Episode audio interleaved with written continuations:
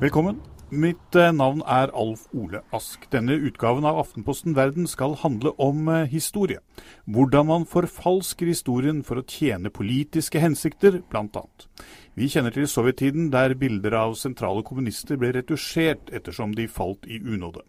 Men dette er ikke over, selv om Berlinmuren har falt. Med oss for å diskutere dette har vi utenriksmedarbeider Ingrid Brekke og Moskva-korrespondent Per Anders Johansen. Og Per Anders, siste nytt fra deg i Moskva det er jo at selv vikingene havnet i unåde nå? Ja, jeg var nå og så på en uh, ny, stor uh, historiepark som man har startet her i Moskva, og som man har tenkt å lage lignende rundt omkring i Russland. Hvor russerne skal få presentert den nye russiske historien. Og eh, Der bruker man 4000 kvm kvadratmeter på å fortelle om Rurik-ætten, som jo var en eh, skandinavisk vikingætt opprinnelig, som styrte Russland i 700 år. Og Der er da vikingene helt radert ut. Der nevner man ikke med et ord at det var skandinaviske vikinger som kom til Novogrod og grunnla den første russiske fyrstestaten. Og Ingrid, eh, det står ikke så bra til eh, i vår del av verden også. Polakkene driver og pynter mye på historien for tiden. Ja, det er et sånt eh, prosjekt den nye regjeringa i Polen har. Eh, at man skal være veldig man, De er veldig opptatt av polsk identitet og polske tradisjoner. Eh, og med til det hører da at polakkene alltid har vært ofre og en slags martyrer. Og de har alltid stått på den godes, eh, det godes side. Og det har jo f.eks. gjort at det å fortelle historier om at det fantes faktisk eh, polakker som hjalp tyskerne under krigen, det er jo helt umulig. Og et eksempel på konsekvens av det, det er et sånn stort museum i Gdansk. Eh, som har, eh, de har jobba med en stund, og som egentlig skulle åpna i 2017, som nå ser ut til å bli lagt på is. Fordi det skulle fortelle historien om andre verdenskrig fra med et verdensperspektiv eh, og veldig mangfoldige innganger, og det eh, blir for vanskelig å svelge. De vil heller ha et annet, mindre museum som bare forteller historien om syv, de syv dagene da eh, tyskerne invaderte eh, Polen og starta andre verdenskrig, og den eh, slaget på Westerplatte. Det er liksom det som passer inn i, rett inn i bildet. Men eh, Per Anders, eh, hvorfor er det så viktig å pynte på eh, historien på, på denne måten?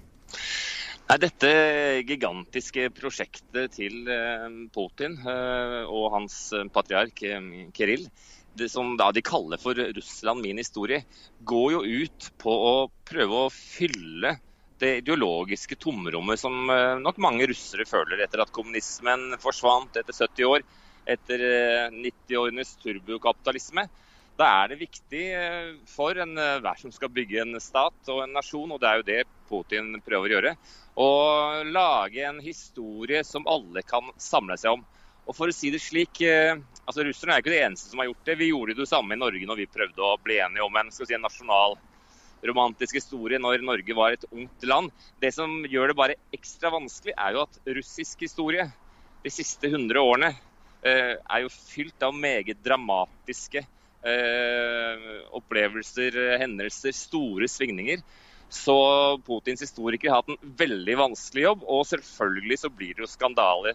Dette med vikingene er jo på mange måter en liten bagatell. Eh, når jeg spurte arrangøren om dette, her, sånn, så sa de at uh, unnskyld, men altså, vikingene er jo en liten sak her. sånn. Vi prøver å lage en historie som gjør at ikke Russland får en revolusjon igjen. Eh, kommunistene er forbannet fordi at i denne historiestillingen så fremstilles Lenin som en gal mann. og eh, de gamle opposisjonelle de er eh, rasende, fordi at det vi jo ser konturene er, er jo at Stalin blir sånn delvis rehabilitert. Han fremstilles som både god og slem. Og ukrainerne selvfølgelig er rasende fordi at den store sultkatastrofen, som jo ukrainerne oppfatter som et folkemord på ukrainerne, hvor flere millioner mennesker eh, sultet i hjel fordi at Stalin-regimet rett og slett ikke ja, tok all maten. Det er, får da like mye plass her på denne utstillingen som eh, opprettelsen av metroen i Moskva. Så altså, Historieforfalskningen er det ene, men det andre er også å pakke inn og lage historien slik at den passer dagens mål. Og eh, Hovedhensikten er eh, som sagt å skremme russerne fra å gjøre en, eh, gjøre en ny revolusjon, og samtidig finne argumenter for den politikken som dagens herskere hersker i Russland fører. Ja, for det, det er noe med at det, det, det, kan jo være litt drøyt ofte å kalle det direkte forfalskning. Fordi det handler veldig mye om selektering. Altså man velger ut den biten av historien som passer inn i bildet. da.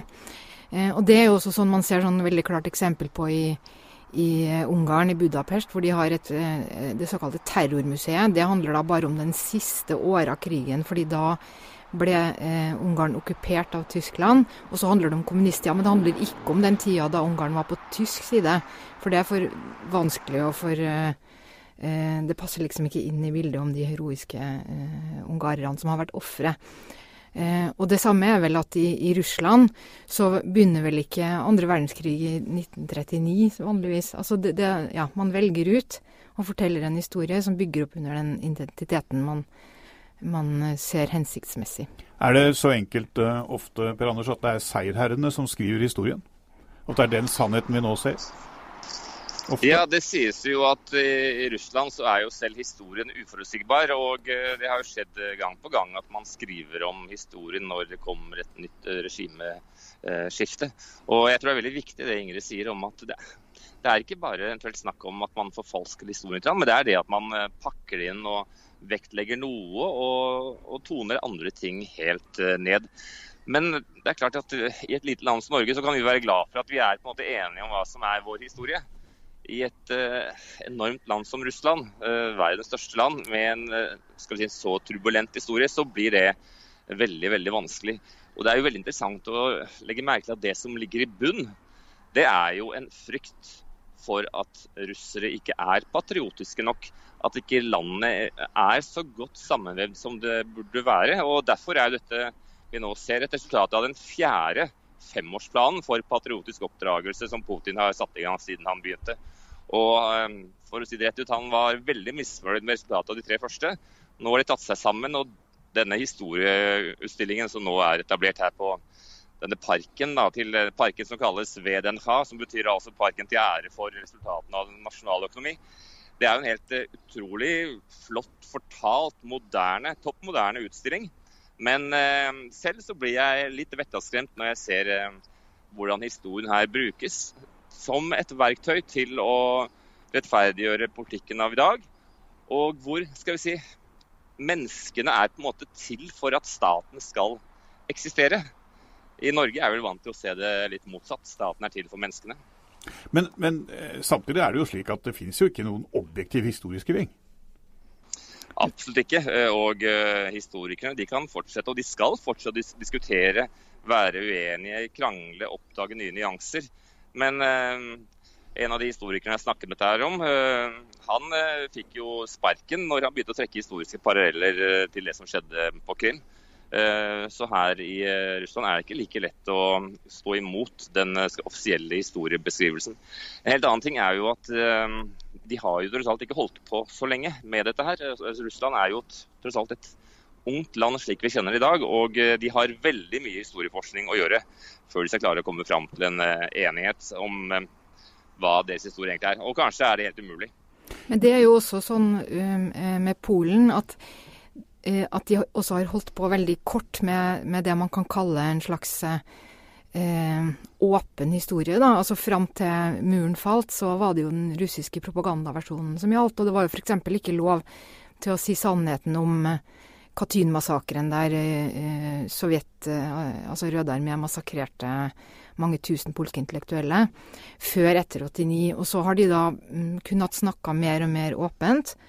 Og, og, de har jo f.eks. klart eh, de, å lage et eh, museum om polske jøders historie, som fikk en, en eh, veldig høythengende europeisk pris for årets beste museum nettopp. Så de har jo virkelig kommet innmari langt i Polen med å, med å drive Jeg vil jo aldri kalle det objektiv historie, men mangfoldig og åpen historie, da, hvor, det, hvor, hvor alle historier om noe som faktisk har skjedd, har en, en plass, proporsjonal plass, og at det ikke blir sånn at noen historier har man bare ikke lov til å fortelle. Og sånn er det jo det kanskje legges litt opp til i dag, da, når man ønsker igjen eh, Regjeringa prøver nå å lage straffer for hvis man sier eh, polske konsentrasjonsleirer, f.eks., i stedet for å si tyske konsentrasjonsleirer i det okkuperte Polen og sånne ting. Og det viser jo nettopp en sånn ekstrem sensitivitet og sårbarhet, hvor man er mye reddere eh, for historier som går på tvers, eh, og mye mer opptatt av eh, at historien skal tjene et formål, nemlig å bygge staten, enn det å faktisk få fram sannheten og, og utforske hva som har skjedd for forskjellige slags folk. Men i, i, i, til dere to.